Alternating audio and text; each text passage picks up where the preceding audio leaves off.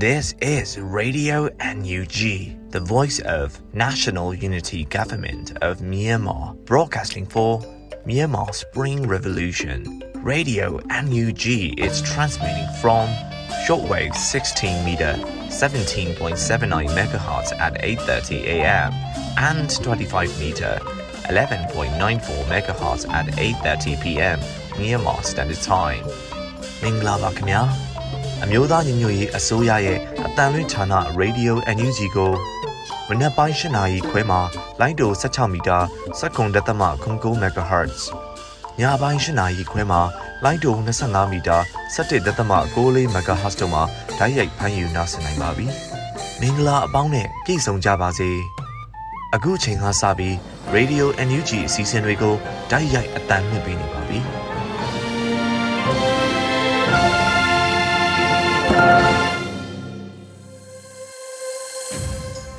Radio NUG သောတာရှင်တွေနဲ့မြန်မာနိုင်ငံသူနိုင်ငံသားအပေါင်းတဘာဝဘေးစစ်အာဏာရှင်ဘေးတို့ကနေကင်းဝေးပြီးကိုယ်စိတ်နှပြကျန်းမာချမ်းသာလို့ဘေးကင်းလုံခြုံကြပါစေလို့ Radio NUG ဝိုင်းတော်သားတွေကဆုတောင်းမြတ်တာပို့သလိုက်ရပါတယ်ရှင်။ဒီကနေ့2023ခုနှစ်ဩဂုတ်လ17ရက်နေ့ Radio NUG မနက်ပိုင်းအစီအစဉ်လေးကိုစတင်ထုတ်လွှင့်ပေးပါတော့မယ်။ပထမအဆုံးအနေနဲ့ပြည်တွင်းသတင်းတွေကိုတော့လွတ်လပ်နေဦးကဖတ်ကြားတင်ပြပေးပါတော့မယ်ရှင်။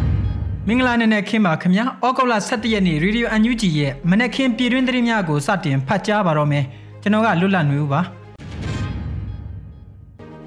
လက်ရှိအချိန်ဟာစစ်အာဏာရှင်စနစ်ကိုအပိတိုင်တိုက်ထုတ်ဖယ်ရှားရမယ့်အချိန်ဖြစ်တယ်လို့ယာယီသမရပြောကြားလိုက်တဲ့သတင်းနဲ့စတင်ပါမယ်ကချင်အာဇာနည်နဲ့အထိတ်အမှတ်ဖြစ်အမျိုးသားညွရေးအစိုးရယာယီသမရဒူဝါလရှိလာ၏အောက်မေ့တတိယစာမှာအခုလိုဆိုထားပါတယ် လက်ရှိချိန်ဟာစစ်အာဏာရှင်စနစ်ကိုအပိတိုင်တိုက်ထုတ်ဖယ်ရှားပြီးအမျိုးသားတန်းတူညီမျှမှုတရားမျှတမှုလွတ်လပ်မှုနဲ့ကိုယ်ပိုင်ပြဋ္ဌာန်းခွင့်တို့အပြည့်အဝရရှိရေးဒီမိုကရေစီဖက်ဒရယ်ပြည်ထောင်စုကိုတည်ထောင်နိုင်ရေးတို့အတွက်အားလုံးစုစည်းညီညွတ်ရမယ့်အချိန်ဖြစ်ပါတယ်။အမျိုးသားညီညွတ်ရေးအစိုးရအနေနဲ့လည်းကချင်လူမျိုးများအပါအဝင်တိုင်းရင်းသားလူမျိုးများအားလုံးလိုလားတဲ့အမျိုးသားတန်းတူရေးကိုယ်ပိုင်ပြဋ္ဌာန်းခွင့်နဲ့ဒီမိုကရေစီကိုအပြည့်အဝအာမခံတဲ့စစ်မှန်သောဖက်ဒရယ်ပြည်ထောင်စုကိုတည်ဆောက်ရန် တန်ဋိဌာန်ချထားရတဲ့အစိုးရဖြစ်ပါတယ်လို့ဆိုပါတယ်။2021ခုနှစ်စက်တင်ဘာလ9ရက်နေ့မှာပြည်သူ့ခုခံတွန်းလှန်စစ်များစတင်ဖို့အမျိုးသားညွေရေးအစိုးရကကြေညာခဲ့ပါတယ်။လက်ရှိချိန်မှာစစ်ရေးအရှိန်ကိုမြင့်တင်လျက်ရှိပြီး2023ခုနှစ်ဟာအဆုံးသတ်အတွက်အဆုံးအဖြတ်နှစ်ဖြစ်ရမယ်လို့အသိပေးပြောဆိုထားပါတယ်ခင်ဗျာ။ဆက်လက်ပြီးအဖွဲ့အစည်းအချင်းချင်းကြားစီးလုံးညီညွတ်မှုမလျော့စေရန်နဲ့ဘုံရန်သူမပြောက်ပြက်ရန်ပြည်ထောင်စုဝန်ကြီးချုပ်ပြောကြားဆိုတဲ့သတင်းကိုတင်ပြပါမယ်။ ဩဂုတ်လ10ရက်နေ့ကကျင်းပတဲ့ဂျာကာလာဒေသန္တရပြည်သူ့အုပ်ချုပ်ရေးဖော်ဆောင်မှုဗဟိုကော်မတီအစည်းအဝေးမှာဝန်ကြီးချုပ်ကအခုလိုပြောဆိုလိုက်ပါတယ်။တူမီနဲ့စတင်ခဲ့တဲ့တော်လိုင်းကြီးဟာယခုချိန်မှာအတိုင်းအတာတစ်ခုထိအင်အားကောင်းလာခဲ့တယ်လို့စစ်ကောင်စီကိုလည်းဘက်ပေါင်းစုံမှနေရာပေါင်းစုံကနေထိုးနှက်ဖိအားပေးနိုင်ခဲ့ပြီဖြစ်ပါကြောင်းသို့တော်လည်းနှစ်ပေါင်း80ကျော်တိုင်းပြည်ရဲ့အရင်းမြစ်တွေအားလုံးနဲ့စိတ်တိုင်းကြတိဆောက်ထားတဲ့အဖွဲ့အစည်းကိုရင်ဆိုင်နေရသည်ကိုအမြဲမပြတ်တတိပြုရမှာဖြစ်ပါကြောင်းအဖွဲ့အစည်းအချင်းချင်းကြားစီးလုံးညီညွတ်မှုမလျော့စေရန် ဘုံရန်သူမပြောက်ပြက်ရန်အထူးမှာကြားလိုပါကြောင်းဝန်ကြီးချုပ်ကဆိုပါတယ်ဆက်လက်ပြီးတက်ရောက်လာကြသောဂျာကာလာဒေသန္တရပြည်သူ့အုပ်ချုပ်ရေးဖော်ဆောင်မှုဗဟိုကော်မတီအဖွဲ့ဝင်များမှ31မြင်းဆောင်2023တွင်ချမှတ်ထားသောဆုံးဖြတ်ချက်ရှေ့လုပ်ငန်းစဉ်များနဲ့ပတ်သက်လို့ပြည်စည်းမှုအခြေအနေများနဲ့ဆက်လက်ဆောင်ရွက်ရန်ကြံရှိနေတဲ့လုပ်ငန်းစဉ်များကိုချပြရှင်းလင်းပြီးတက်ရောက်လာသောတာဝန်ရှိသူများမှအကြံတဝင့်ဆွေးနွေးခဲ့ကြပါတယ်။အစည်းအဝေးကိုပြည်ထောင်စုဝန်ကြီးချုပ်မန်းဝင်းခိုင်တမ်းမှဦးဆောင်ကပြည်ထောင်စုဝန်ကြီးများဒု ဝန်ကြီးများအမြဲတမ်းတွင်းဝန်များတွဲပက်အမြဲတမ်းတွင်းဝန်များဌာနဆိုင်ရာများမှတာဝန်ရှိသူများတက်ရောက်ခဲ့ကြတယ်လို့သိရပါတယ်ခင်ဗျာမြန်မာနိုင်ငံဆိုင်ရာလွတ်လပ်သောစုံစမ်းစစ်ဆေးမှုရန်တရားကမှတ်တမ်းပေါင်း200ကိုရရှိခဲ့ပြီး153ခုကိုတရားစွဲဆိုနိုင်ဖို့ခိုင်လုံတဲ့အမှုတွေဖြစ်စုဆောင်းနိုင်ခဲ့ပြီးဆိုတဲ့သတင်းကိုဆက်လက်တင်ပြပါမယ်မြန်မာနိုင်ငံဆိုင်ရာလွတ်လပ်သောစုံစမ်းစစ်ဆေးမှုရန်တရားကမှတ်တမ်းပေါင်း200ကိုရရှိခဲ့ပြီး153ခုကို တရားစွဲဆိုနိုင်ဖို့ခိုင်လုံတဲ့အမှုတွေဖြစ်စုဆောင်းနိုင်ခဲ့တယ်လို့သိရပါတယ်။မြန်မာနိုင်ငံဆိုင်ရာလွတ်လပ်သောစုံစမ်းစစ်ဆေးမှုရန်ရာက2022ခုနှစ်ဇူလိုင်လကနေ2023ခုနှစ်ဇူလိုင်လကုန်အတွင်းရရှိထားတဲ့အချက်လက်တွေကိုမူတည်တဲ့နှစ်ပတ်လည်စီရင်ခံစာကိုဩဂုတ်လ10ရက်နေ့မှာထုတ်ပြန်ခဲ့တာဖြစ်ပါတယ်။ဒီစီရင်ခံစာရဲ့အချက်တွေကိုမူတည်ပြီးတော့ရန်တရားရဲ့ဥက္ကဋ္ဌ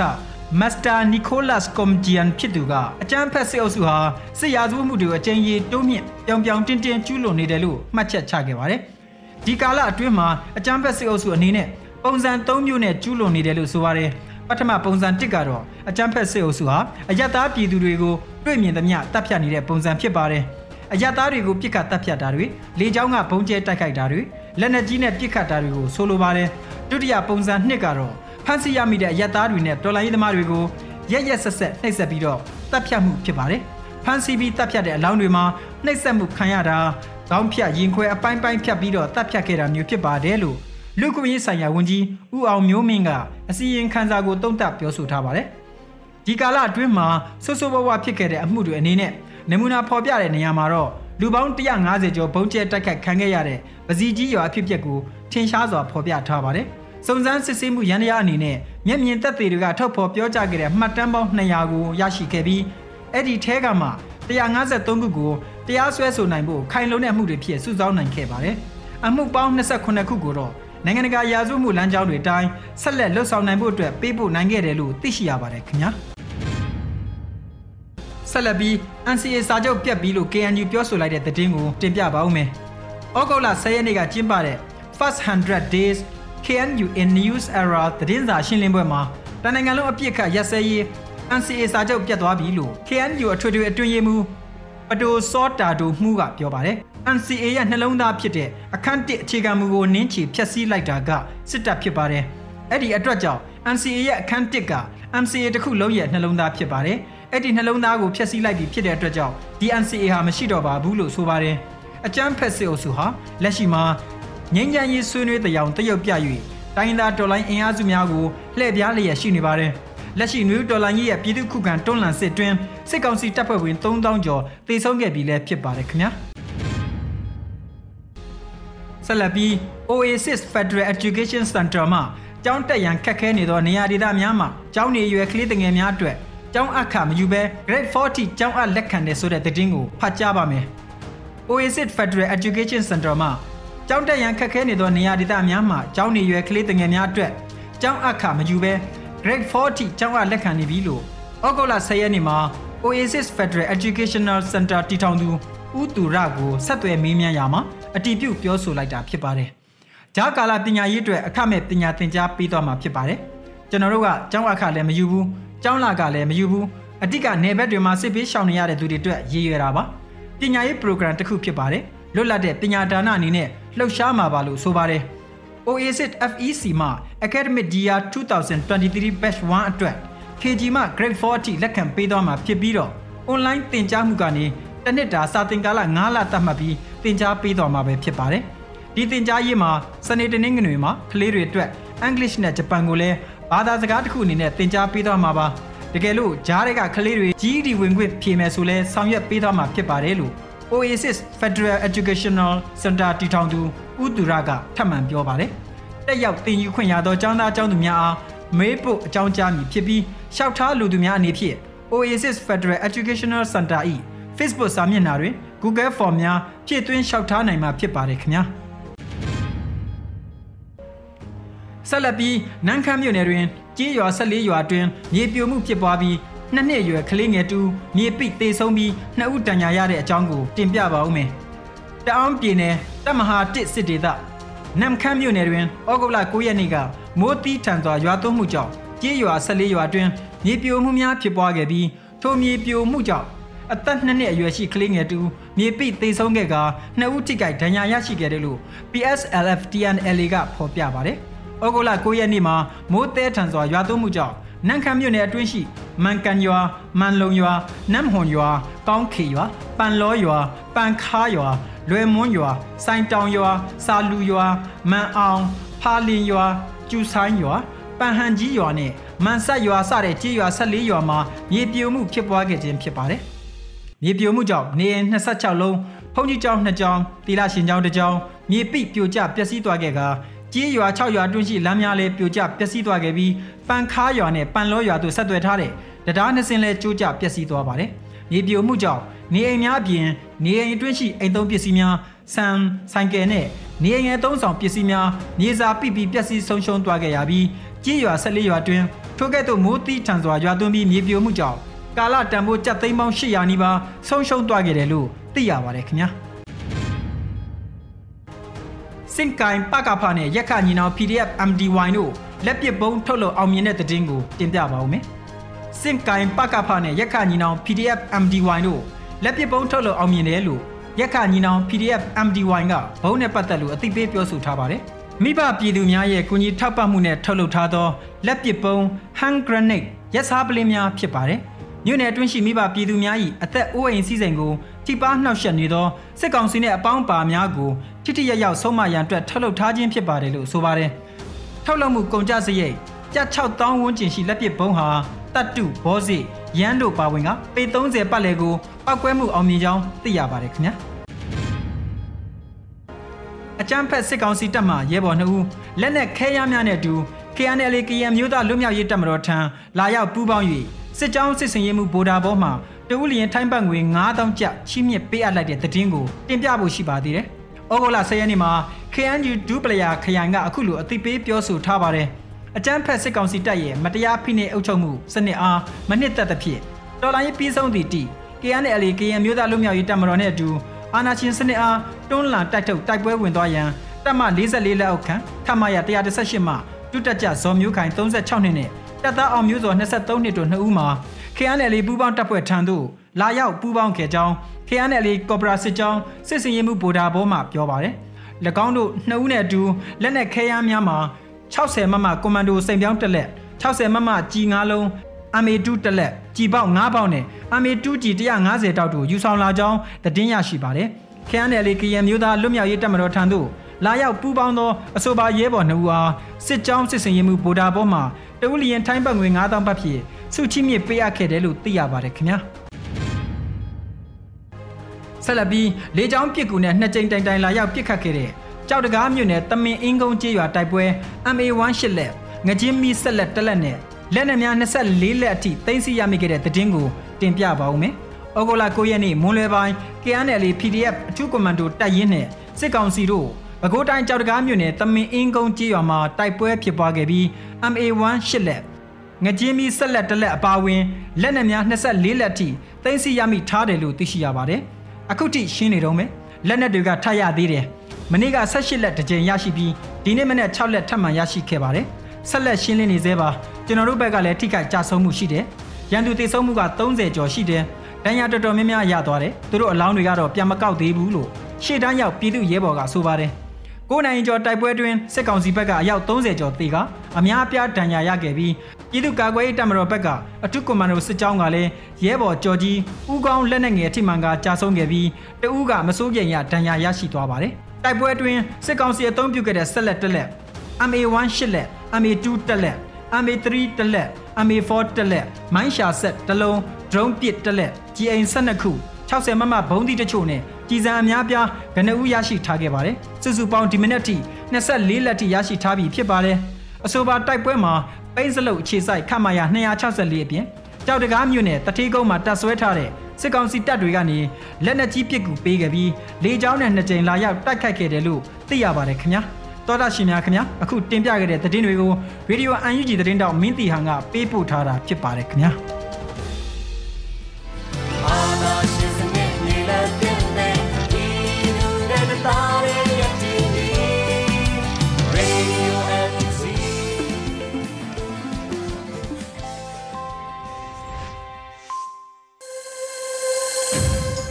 ရေဒီယို NUG မှာဆက်လက်အသံလွှင့်နေပါတယ်ရှင်။အခုဆက်လက်ပြီးတော်လိုင်းကြီးကြပြကဏ္ဍမှာတော့ဒေါက်တာလီယိုနဲ့လင်းထက်ရေးဆက်ထားပြီးမျိုးဦးမှုခန်းစားရွတ်ဖတ်ထားတဲ့ရှစ်မြင်းဆောင်လို့အမည်ရတဲ့တယ်လီကျမ်းမာကြပြကိုနားဆင်ကြရမှာပဲဖြစ်ပါတယ်ရှင်။ရှစ်မြင်းဆောင်ရှင်နနေကိုတူးထုတ်တဲ့ရေနံစင်ထက်ကမောင်းတန်ကြီးတွေဟာမမောပန်းနိုင်တယ်။မကွေးတိုင်းဆိုတဲ့မောင်းတန်ကြီးဟာ အောင်ဆန်းရဲ့သွေးတွေကိုအမြဲတူးထုတ်နေတယ်။ရေနံတွေဟာအင်ဂျင်တစ်ခုရဲ့ပောက်ကွဲအားအဖြစ်အသွင်ပြောင်းခဲ့တယ်လို့နိုင်ငံတုံ့နှောင်ခံရချိန်မှာအောင်ဆန်းသွေးလူငယ်တွေဟာတန်ကြိုးကိုပြက်အောင်ရုံးမဲ့အားအဖြစ်အသွင်ပြောင်းလာတယ်။မောင်းပြန်ကင်တဲ့လူငယ်တွေကိုမပြောနဲ့။ရှစ်မြင်းဆောင်မှတ်ပုံတင်တဲ့လူတိုင်းဟာအဓမ္မဝါဒီတွေကိုဖိတ်ဖိတ်တုံစေခဲ့တယ်။ရှစ်မြင်းဆောင်တွေဟာမြို့ကိုဝင်းရင်လက်ငွေပေးရတယ်။ရှစ်မြင်းဆောင်တွေဟာမြို့ကိုဝင်းရင်ထောက်ခံစာလို့တယ် ရှစ်မြင်းဆောင်တွေဟာမြို့ကိုဝင်ရင်နှစ်ခါပြန်စစ်ခံရတယ်ရှစ်မြင်းဆောင်တွေကိုနေမီကျန်းတဲ့နေရာကလာသူလို့သတ်မှတ်ကြတယ်မညီမမျှပေါက်တဲ့ဥပဒေဆိုတဲ့အပင်ကိုအမြစ်ကဆွဲနှုတ်ဖို့ဆိုရင်မြေကြီးတွေပွင့်ထွက်အောင်အားစိုက်ရတယ်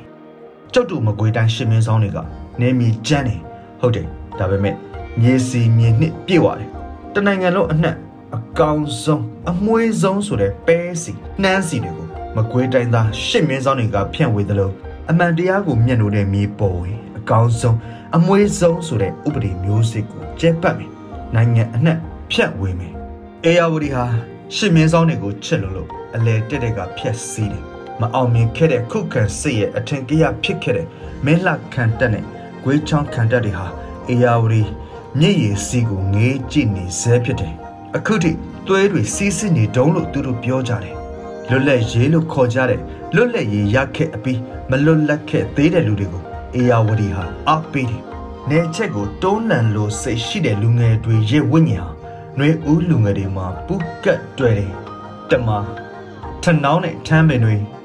နှွေနေပူကိုမကြောက်တယ်လို့မကွေးတိုင်းသားရှစ်မင်းဆောင်တွေဟာအာနာရှင်ရဲ့အပူမီးကိုအန်တုတယ်မြောက်ဘက်နဲ့အနောက်ဘက်ကနေစကိုင်းနဲ့ချင်းညီကိုတွေနဲ့အတူရှစ်မြင်းဆောင်တွေဟာ ပြိုင်တူတွင်းရင်ရွေးရမဲလို့ယုံနေကျွန်းနေတဲ့လှဲပင်ဘလောက်လေးမှမို့လေကန်ကောထီလင်းစောဒကြောရေစကြိုမြိုင်ပခုတ်ကူပါမြစ်ချင်နဲ့ပေါက်အပြင်စိတ်ဖြူဘယ်နေရာတွေ့အေးလေအာနာရှင်ဟာနေရာတိုင်းမှာထိတ်လန့်နေစေရမယ်မကွေးတောင်တွင်နမမြို့တစ်ပိတ်တနုံသွေးတစ်ပျောက်ကြအဖို့တွေဟာအာနာရှင်ထောက်တိုင်တွေကိုရိုင်နေစေတယ်ကြောင့် ရင်းနဲ့ချောင်းဆက်လင်းတခွင်မင်းဘူးနဲ့မင်းလှစိတ်တုတ်တရာပွင့်ဖြူမဖဲပြီးတော့အောင်လန်းတရက်စင်ပောင်ဝဲမင်းတုံးနဲ့ကံမမကြံရတဲ့အာနာရှင်မျိုးတုံးရင်ຫນွေဦးသွေးတက်တွေဝေဖွာပေးခဲ့တယ်ရှင်မင်းဆောင်တွေဟာငါမင်းဆောင်တွေနဲ့အတူဂုံယူတယ်မထူးတော့ပါဘူးကွာလို့ဆိုတဲ့အခါလက်ယုံမီတောက်တဲ့စကိုင်းသားတွေနဲ့အတူဇွန်ပန်းယုံအနီး ကြုံတဲ့လှဲဘိန်းကိုကူတွန်းကြတယ်ရှစ်မြေဆောင်တွေဟာမြေနောင်သွေးချင်းများနဲ့အတူထင်းချောင်းအဖြစ်မနေပဲထင်းစီအဖြစ်ဝင်အချိုးခံတယ်ဘယ်သူချိုးနိုင်မှာမို့လဲຫນွေဦးမှာတော်တော်လုံးတောင်တစ်ခုလုံးကအပင်တွေဟာနန်ယိုးအပြိုင်ပြိုင်နဲ့နေပူကိုတောက်ခံလိုက်ကြတာမိုးဦးလဲကြရောစိမ့်ဆူလှပနေလိုက်ကြတာရှစ်မြင်းဆောင်တွေဟာညီနောင်သွေးချင်းများနဲ့အတူယခုအခါနေပူခံနေခဲ့ပါတယ် ဒေါက်တာလီယိုနယ်လင်းထက်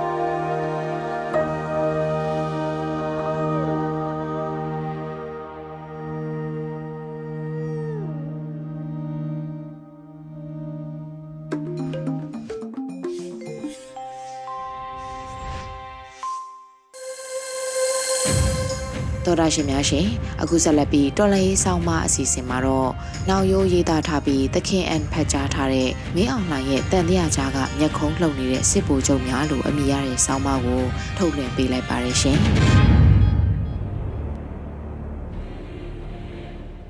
အခုလက်ရှိစစ်တပ်အတွင်းမှာတိုင်းမူဒူတိုင်းမူတက်မမူဗျူဟာမူတွေမကြာခဏဆိုသလိုဖန်စီစစ်ဆေးတာတွေအချိန်အပြောင်းတွေဇက်တိုက်ဆိုသလိုလှုပ်လာတာတွေ့ရပါတယ် အကြောင်းရင်းကဘာကြောင့်လဲတိုင်းမှုတွေကိုမင်းအောင်လှိုင်အနေနဲ့ယုံကြည်မှုမရှိတာလားတိုင်းမှုတွေဟာသူတို့တိုင်းအတွင်းအာဏာတီဆောက်မှာကိုစိတ်ပူတာလားဆိုတာတော့တွေးစရာပါ2022ခုနှစ်အတွင်းမှာဆိုရင်စစ်တပ်ကအခုလိုတိုင်းမှု9ယောက်ကိုနေရာရွှေ့ပြောင်းခဲ့ပါသေးတယ်အရှိတောင်တိုင်းစစ်ဌာနချုပ်တိုင်းမှုကိုကိုမောင်ကိုမြောက်ပိုင်းတိုင်းအဖြစ်ပြောင်းတယ်အရှိအလဲပိုင်းတိုင်းမှုလှမှု တတိကန်တိုင်းမှုအဖြစ်နဲ့တတိကန်တိုင်းမှုမျိုးမင်းထွန်းကိုအရှိပိုင်းတိုင်းမှုအဖြစ်နောက်တစ်ခါမြောက်ပိုင်းတိုင်းစစ်ဌာနချုပ်တိုင်းမှုမြတ်သက်ဦးကိုအရှိတောင်တိုင်းစစ်ဌာနချုပ်တိုင်းမှုအဖြစ်အရှိပိုင်းတိုင်းစစ်ဌာနချုပ်တိုင်းမှုနေလင်းအောင်အရှိအလဲပိုင်းတိုင်းမှုအဖြစ်ပြောင်းရွှေ့ခဲ့တာရှိခဲ့ဘူးပါတယ်ဒါပေမဲ့အဲ့ဒီအချိန်ကဖမ်းဆီးတာစစ်ဆေးတာအခုလိုမရှိသေးပါဘူး ပြီးခဲ့တဲ့ဇွန်လအတွင်းကစပြီးစစ်ကောင်စီဝါရဖြန့် channel တွေကနေဖျားတကာကြီးမင်းအောင်နိုင်ကတော့ KIA ဌာနချုပ်လိုင်စာကိုပြုတ်တိုက်မယ်လို့ဆိုတယ်သူတို့ပြောပုံကစစ်အင်အားတပေါင်းနဲ့အခုချက်ချင်းပဲလိုင်စာကိုသိမ်းမလို့လို့တော်ကြတယ်သိမကြောက်ဘူးဇူလိုင်လ15ရက်နေ့မနက်ပိုင်းမှာမြောက်ပိုင်းတိုင်းစစ်ဌာနချုပ်တိုင်းမှုဗိုလ်ချုပ်ကိုကိုမောင်အပါအဝင်ဒုတိယတိုင်းမှု စကခ21တက်မှမှုတက်မှ33တက်မှမှုနဲ့တက်မှ66တက်မှမှုမပခစစ်စင်ရေးစစ်ဦးစီးမှုပထမတန်းတို့ကိုလည်းစစ်တိုက်ဖို့ညင်းဆိုမှုနဲ့ကဆထမှုဒုတိယဗိုလ်ချုပ်ကြီးတေဇကျော်ကိုယ်တိုင်လာရောက်စစ်ဆေးနေတယ်လို့သိရပါတယ်။နောက်ဆက်တွဲသိရတာကကဆထမှုဒုတိယဗိုလ်ချုပ်ကြီးတေဇကျော်ကိုယ်တိုင်စစ်ကောင်စီရဲ့အစစ်ဆေးခံနေရတာပဲဖြစ်ပါတယ်။မင်းအောင်လှိုင်အနေနဲ့ အခုလိုယာရုအပြောင်းလဲတွေနေရအပြောင်းလဲတွေဖမ်းဆီးစစ်ဆေးမှုပြုလုပ်တဲ့အပေါ်မှာကဆထမှုလို့ခေါ်တဲ့ကာကွယ်ရေးစစ်ဦးစီးချုပ်ရုံးအထူးအဖွဲ့မှုတွေကတိုင်းမှုတွေကိုမဲအောင်လိုင်းကိုစားပြန်ချုပ်ထားတဲ့သူတွေလို့ပြောလို့ရပါတယ်ဒီလူတွေအစင့်စင့်အောင်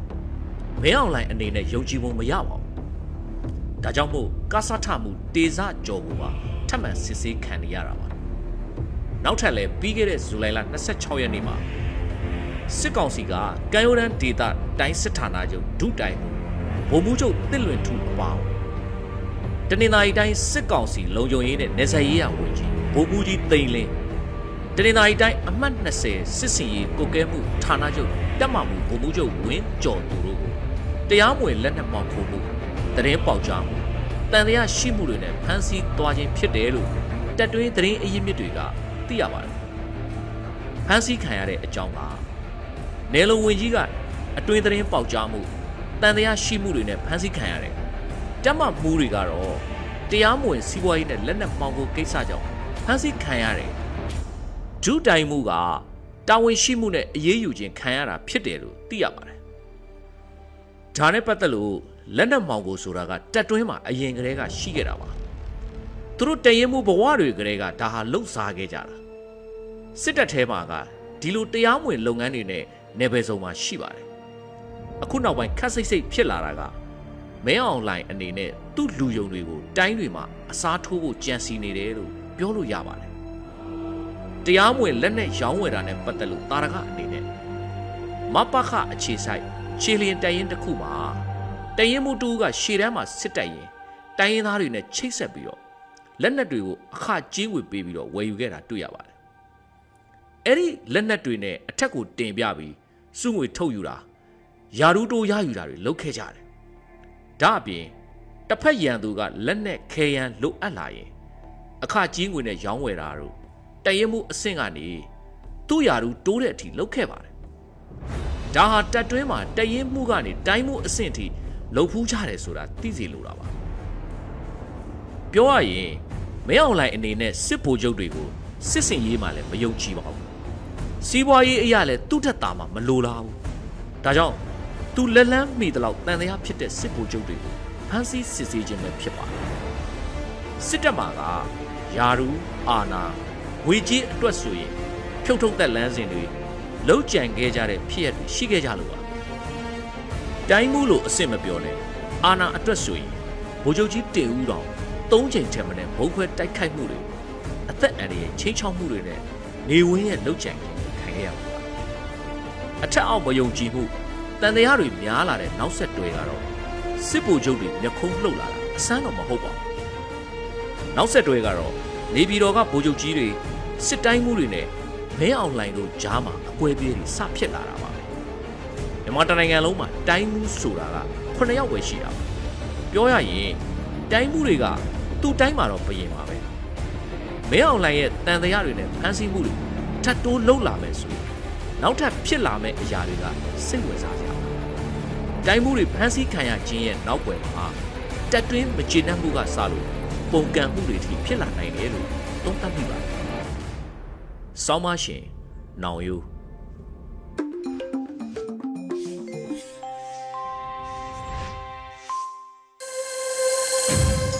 ရေဒီယို NUG မှာဆက်လက်အသံလွှင့်နေပါတယ်ရှင်။အခုဆက်လက်ပြီးနေ့စဉ်သတင်းတွေကိုတော့ Rain ကတင်ပြပေးမှာဖြစ်ပါတယ်ရှင်။ပထမဆုံးအနေနဲ့တင်ဆက်ပေးခြင်းတဲ့သတင်းကတော့မြန်မာနိုင်ငံတဝန်းကလူမျိုးပေါင်းစုံဘာသာပေါင်းစုံပါဝင်တဲ့စစ်အာဏာရှင်အမြင့်ပြတ်ချင်းမုံရေးလူထုဆန္ဒပြပွဲသတင်းတွေကိုစူးစီးတင်ဆက်ပေးပါမယ်။ရမပင်စလင်းကြီးရွာပေါင်းစုံတပိတ်က881ရက်မြောက်အဖြစ် အကြံပတ်စစ်တပ်ကြာရှုံးရေးတပိတ်ပြုလုပ်ခဲ့ကြပါတယ်။ဆန္ဒပြတော်လှန်ပြည်သူတွေကလူထုအရေးတော်ပုံမှသည်ဒေါ်လာရေးအောင်ပွဲစီတို့ဆိုတဲ့စာသားကိုကိုင်းဆောင်ကအကြမ်းဖက်ဆက်အာဏာရှင်အမြင့်ပြတ်ချင်းမုံရေးချီတက်ဆန္ဒပြခဲ့ကြပါတယ်။ရမပင်မျိုးနယ်ရဲ့နောက်ပြန်မလှည့်သေးဒီဒေါ်လာရေးတပိတ်စစ်ကြောင်းကအကြမ်းဖက်စစ်တပ်ကြရှုံရင်ဆန္ဒပြတပိတ်ကိုပြုလုပ်ခဲ့ကြပါတယ်။ဒေါ်လန်ပြည်သူတွေကနောက်ပြန်မလှည့်သေးဒီဒေါ်လာရေးတပိတ်စစ်ကြောင်းနဲ့ တို့တရုတ်အစိုးရဖက်စစ်တပ်နဲ့ပေါင်းပြီးမြန်မာပြည်သူတွေကိုတတ်နေတာချက်ချင်းရက်ဆိုတဲ့စာသားတွေကိုကိုင်းဆောင်ကအကြမ်းဖက်စစ်တပ်ကြာရှုံးရေးဟစ်ကြွေးမှုတွေပြုလုပ်ခဲ့ကြတာပါရမပင်မြို့နယ်မြောက်ချမ်းကျေးရွာတွေရဲ့လူထုတပိတ်ကအကြမ်းဖက်စစ်တပ်ကြာရှုံးရေးဆန္ဒပြတပိတ်ကိုပြုလုပ်ခဲ့ကြပါတယ်ဆန္ဒပြတော်လှန်ပြည်သူတွေကဖက်စစ်စစ်တပ်အမြင့်ဖြတ်ဆိုတဲ့စာသားကိုကင်ဆွဲပြီးအကြမ်းဖက်စစ်တပ်ကြာရှုံးရေးဟစ်ကြွေးမှုတွေနဲ့ပြုလုပ်ခဲ့ကြတာပါ ရမပင်မြို့နယ်ရွှေနွယ်သွေးတပိတ်စစ်ကြောင်းက959ရက်မြောက်အဖြစ်ဆီအာနာရှင်စန့်ကျေစနာပြတပိတ်ကို ပြုလုပ်ခဲ့ကြပါတယ်။စနာပြတော်လှန်ပြည်သူတွေကရွှေနွယ်သွေးတပိတ်စစ်ကြောင်းဆိုတဲ့စာသားတွေကိုကိုင်းဆောင်ကအကြမ်းဖက်ဆီအာနာရှင်အမြင့်ပြတ်ချေမုံရေးချီတက်စနာပြလှည့်လည်ခဲ့ကြပါတယ်။စနာပြတော်လှန်ပြည်သူတွေဟာ နေမြမငိမ်တပ်မှုတွေကြားတွေကနေအကြမ်းဖက်စစ်တပ်ကြားရှုံရေးစနာပြတပိတ်ကိုနေ့စဉ်ပြုလုပ်နေကြတာပဲဖြစ်ပါတယ်။